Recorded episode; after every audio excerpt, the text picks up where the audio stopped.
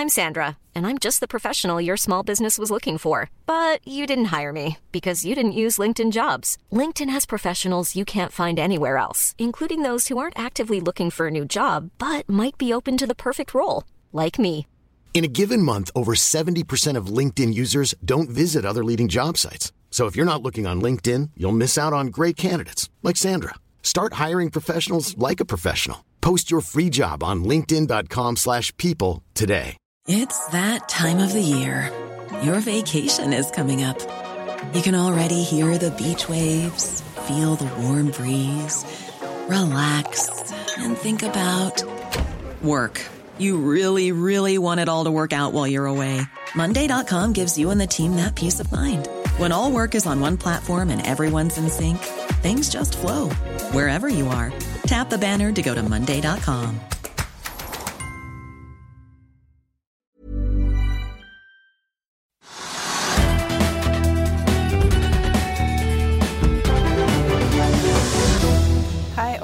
velkommen til Økonominyhetene. Vi skal begynne med Oslo Børs, der eh, den ser ut til å ende uken i rødt med en nedgang på rundt 1,2% etter et par dager i pluss.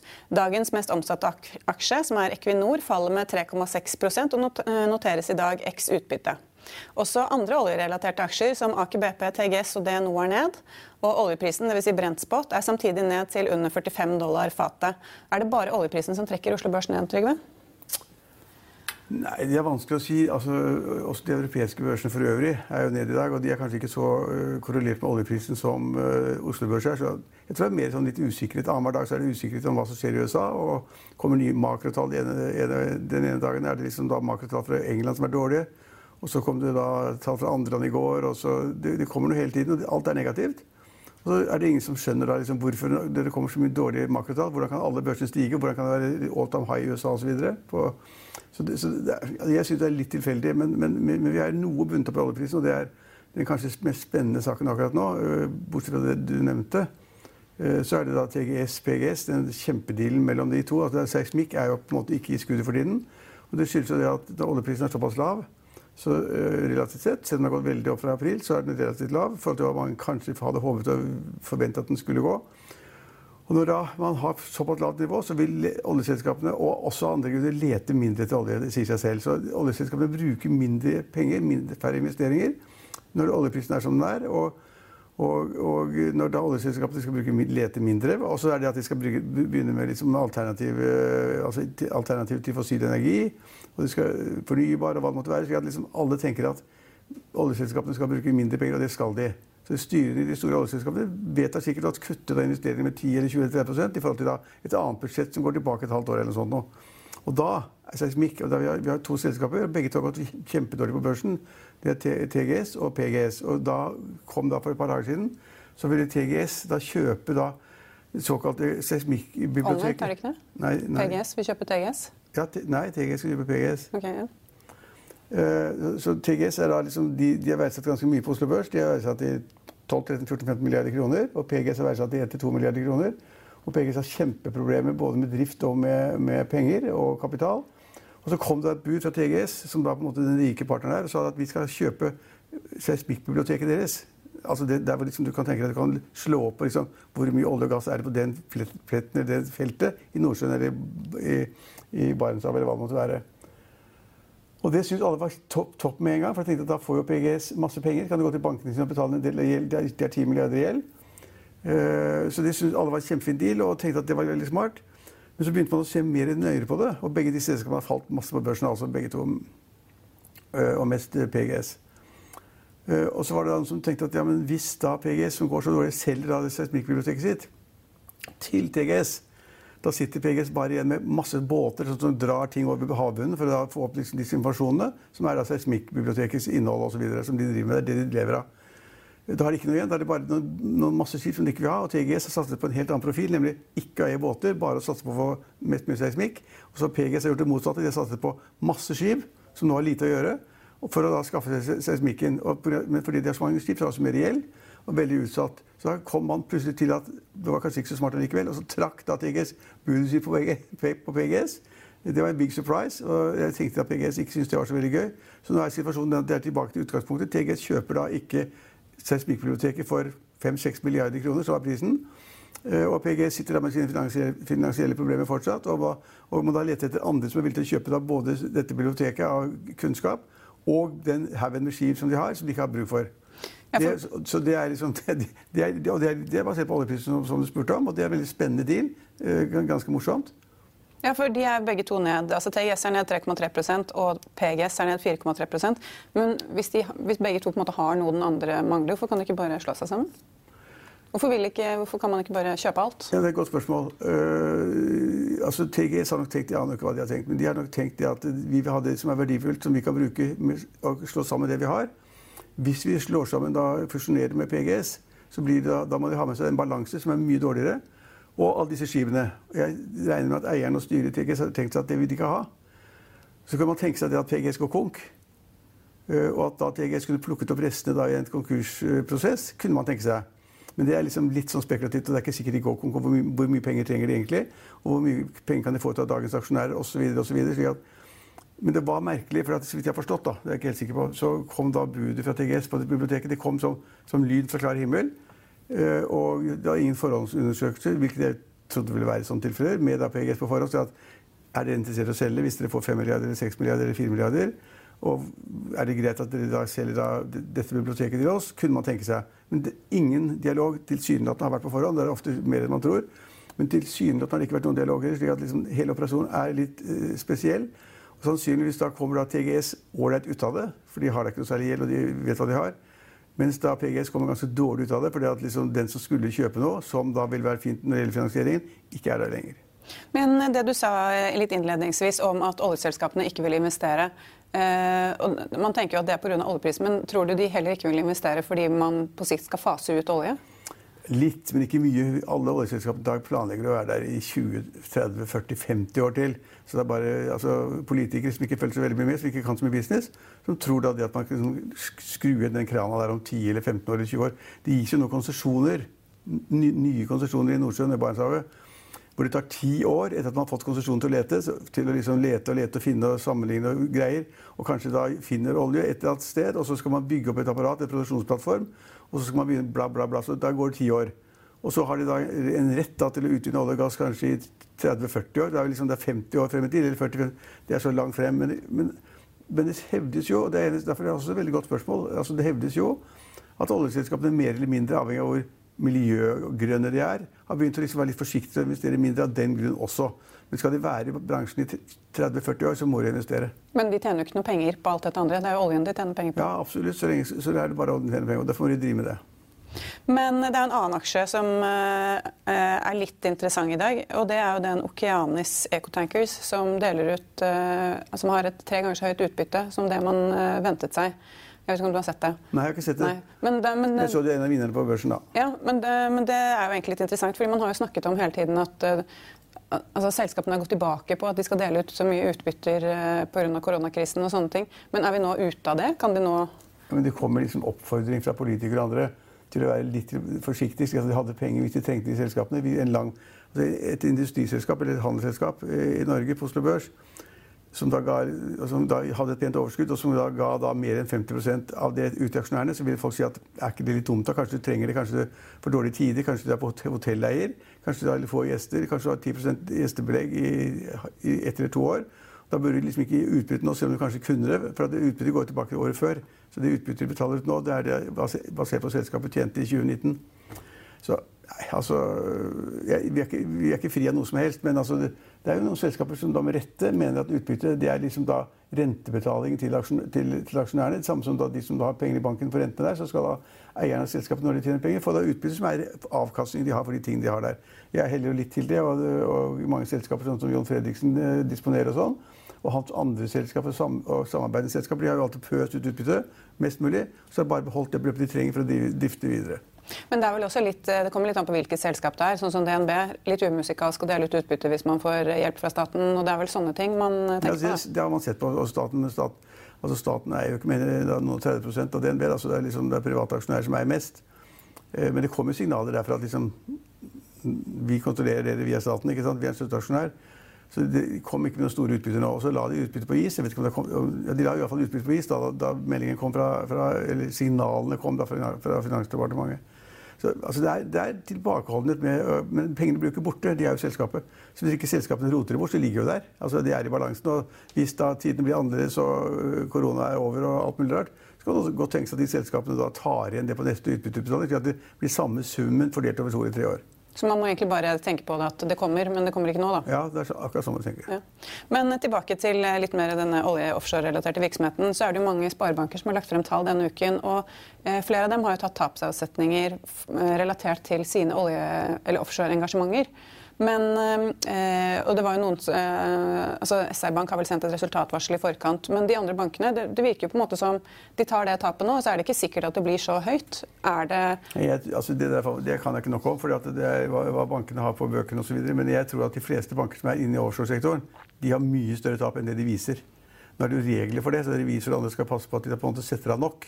Men min oppfatning er at uh, mange banker, særlig store bankene som har kjempeengasjementer, de har tatt avsetninger til tap, men altså, tapene er mye større.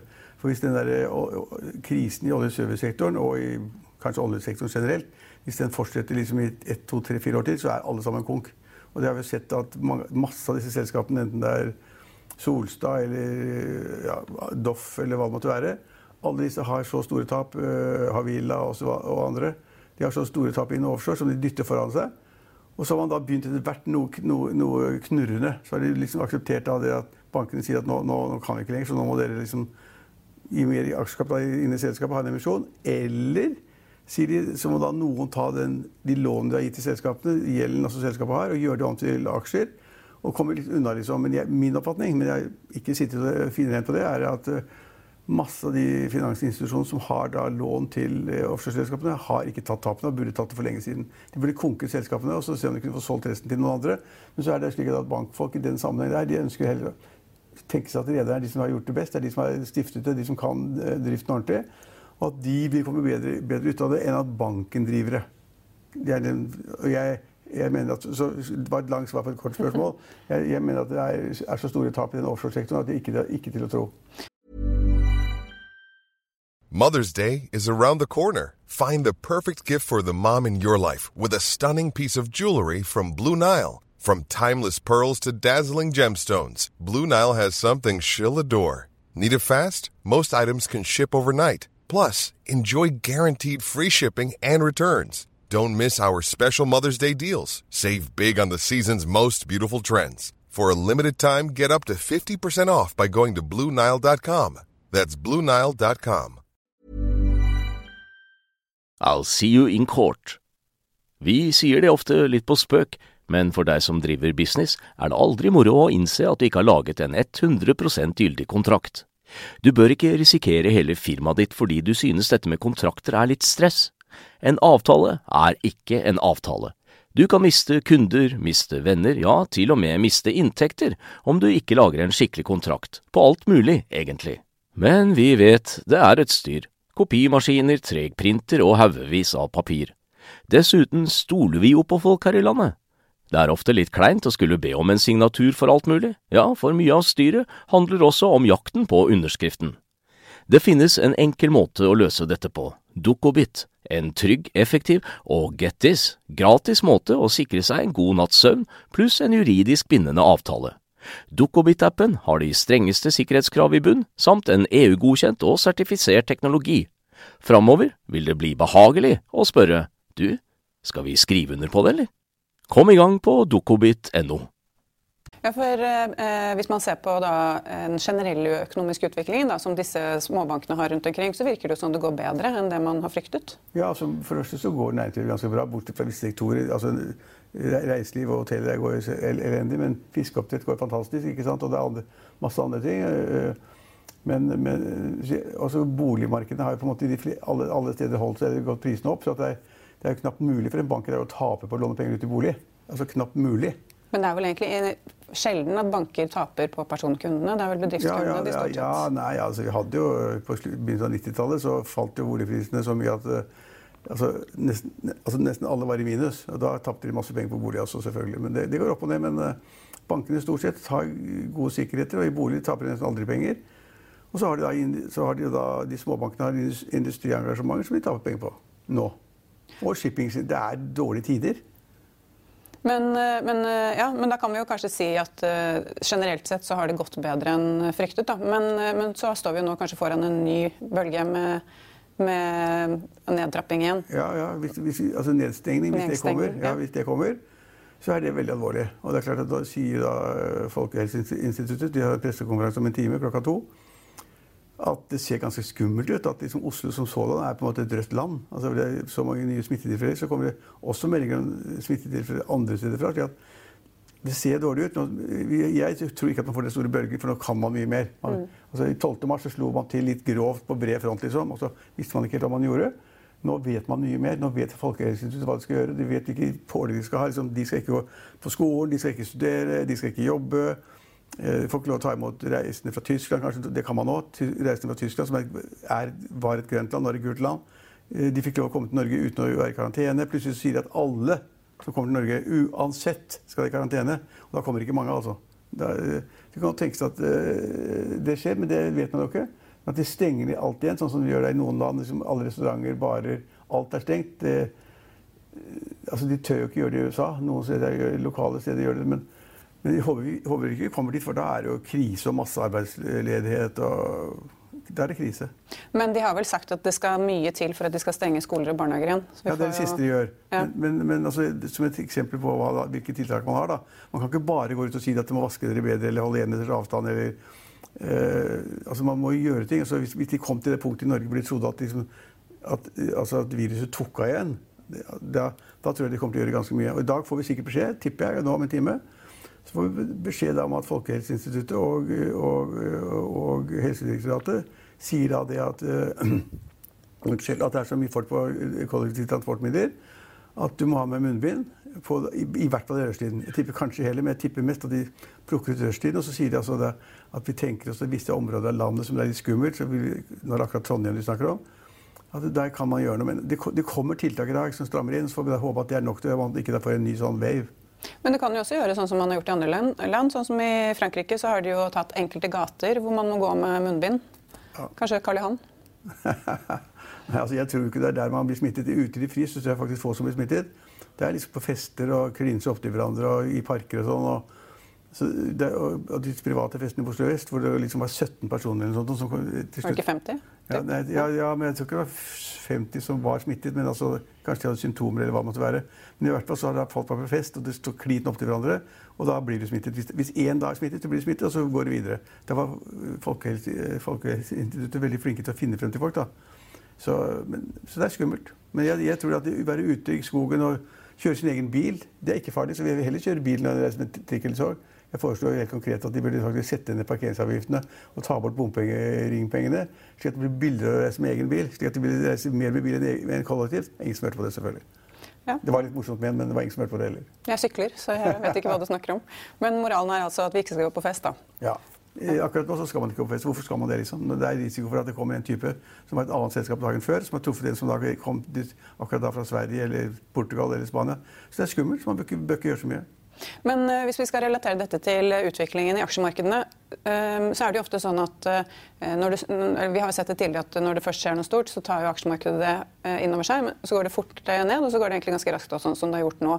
Men nå venter man jo at det skal komme en ny bølge med nedstengning. Så, Mange sier det, men man venter. vet ikke Poenget er at aksjemarkedet går jo opp. Ja. Så aktører de kjøper jo aksjer. ja, men tenker Hvis det kommer da en nedstengning, sånn som i USA, da, og så går det kanskje litt ned, da, og så opp igjen Nei, altså Kommer det en ny nedstengning, og så blir det så mange flere arbeidsløse. Og det vil jo påvirke valget i USA også, som er 3. november. Det ville være krise. Og Norge er et rikt land. Vi tok jo da 400 milliarder kroner liksom ut av luften og skaffet tiltak til bedrifter, enkeltpersoner, permitteringer, støtteoperasjoner, direkte kontantstøtte. At vi gjorde alt riktig, hadde penger til å gjøre det. Ingen klarer å kritisere det i dag. Men mange av dem har ikke de mulighetene. De må låne penger da, for i gang tiltak. Altså, de fleste land i verden er, er jo forgjeldet. Norge har ikke gjeld engang. Men de land som er forgjeldet, de har jo ikke penger. Og da må de låne penger, da. Og det er ikke så lett å få, få det. Og, og, og, så, så de kan ikke ta de samme tiltakene som oss. Men kommer det, så er det jo det er katastrofe. Fordi det er så stor nedgang i økonomien allerede som da på en måte blir litt skjult av at oppgang på Oslo Børs og i, i New York og i, i London osv. Akkurat i dag er det ned, da. Men, men så jeg håper ikke det kommer. Så du er litt mer pessimistisk enn meg da, når det kommer til aksjemarkedene? Ja, jeg, altså, aksjemarkedene er gått høyt som de er. Og Får du da en liten puff til, så kan det gå rett ned. Men um, Skal jeg nevne en aksje? Ja, Så ja, gjør Vinneren, Napatex, ikke glemmer den. Det er et selskap som driver inn i sånn kretskort eller eh, data eller sånt nå. Det selskapet har gått- gått ganske dårlig nå. Finansavisen hadde en større artikkel i dag som viser at selskapet da på, et par år, nei, på ett år så har selskapet gått opp 670 Og i, bare i år så har det gått opp 80% eller sånn. Og i dag går det opp 9% Ja, ok, Så det er vinner på og det, Så det finnes jo aksjer der hvis man kan dem. Og de, ledelsen, har liksom, ledelsen ble skiftet ut, de nye, begynte å regne bedre, gjorde ting riktig. Og så plutselig så tjener de penger. De tapte penger. Og på en periode går du to år tilbake, så var det ingen som trodde på selskapet. Det hele tatt. Aksjekursen falt fra 60-70 kroner til 4 kroner eller sånn. Og så plutselig så liksom fikk de det til, de gjorde de riktige tingene, og så er aksjen en kanon opp. Det går an. Ja. ja, for det er, jo, eh, det er jo da Napatech, og så er det Crayon og Scatec Solar som er blant vinnerne i dag. Da, igjen på en veldig rød liste, vil jeg si. Ja, masse rødt. Men er det noe annet du har lagt merke til? Nei. Nei. Det, det var de, det- vi snakket om de oljeaksjene, og så er det da Napatek, og så er det TGS, PGS, som er en ganske spennende case. og kan man lære masse av. Og ja, så ellers er det litt sånn avventende, tror jeg. da. Det er mye røst, som du sier. Altså, blant de 20 mest omsatte så er det alle, alle en én eller to som er eh, røde i dag. Men hvis vi skal se litt fremover i neste uke, hva er det for noe eh, som skjer da? Det er vel rentemøte i Norges Bank, kanskje? Ja. øh, det- skjer ikke så veldig mye ellers, annet enn at folk begynner å innstille seg på hva som skal skje i USA. Ja. Nye visepresidenten, hva sier hun, og hva sier han, og hva sier Trump, og hva gjør de, og hvor mye penger har de, hvor mye penger vil USA pumpe inn i markedene? Hvor mange smittetilfeller finner man nå? Er det liksom alle landene blitt ordentlig røde, ikke bare røde, rød pluss gule, så rød-grønt, og så ble det rødt-gult? Men det kommer det masse nye slike ting, så er det elendig news. Og Da må folk frykte arbeidsplassen sin igjen. Da må bedriftene stenge ned. jo, altså, vi, har ikke, vi har ikke peiling på hva som skjer på Vestlandet og nordover. I sånne små mellomstore bedrifter som har én eller to eller tre ansatte som selger troll eller filmer eller flagg eller norgeshatter eller hva, hva det måtte være. De har jo ikke noe å gjøre. Det kommer jo ikke noe folk. Og nå er da ferien for nordmenn over. Vi skal jobbe alle sammen. Du skal jobbe, jeg skal jobbe. Alle sammen skal vi jobbe nå. Og det er, det er ingen på ferie. Og da skulle egentlig utlendinger liksom ta plassen etter oss utover landet. For det har vært bedre enn ventet fordi at Norge, Norge, nordmenn måtte være i Norge. Men nå er det ingenting igjen. Og dermed så går de konk alle sammen. Men kjøper egentlig nordmenn troll når de er på Nei, tur? de gjør ikke det. Nei, de gjør ikke det. Men poenget er det at da, de som kjøper troll, de skulle også være der, men de kommer Ja. ikke. Så nordmenn har liksom ligget i sovepose og vært oppi trærne og hørt på, på, hørt på fuglekvitter og sånn. Og så kom- Så kommer utlendinger som skal kjøre sånne, et, et, eh, sånne jibber og fart og få guidede turer i fjell eller hva det måtte være. Og de kommer jo ikke. Og hvis da man får en ny wave i Norge og Tyskland og Portugal og Sverige, og, Sverige, Sverige fra Sverige, så går alt dette ned, og da får vi en sånn hav av, av konkurser i småbedrifter, ikke store små, småbedrifter langs hele kysten. Og det var det vi hadde i dag. Vi er tilbake på mandag klokken halv fire. Ha en strålende helg i det fine været.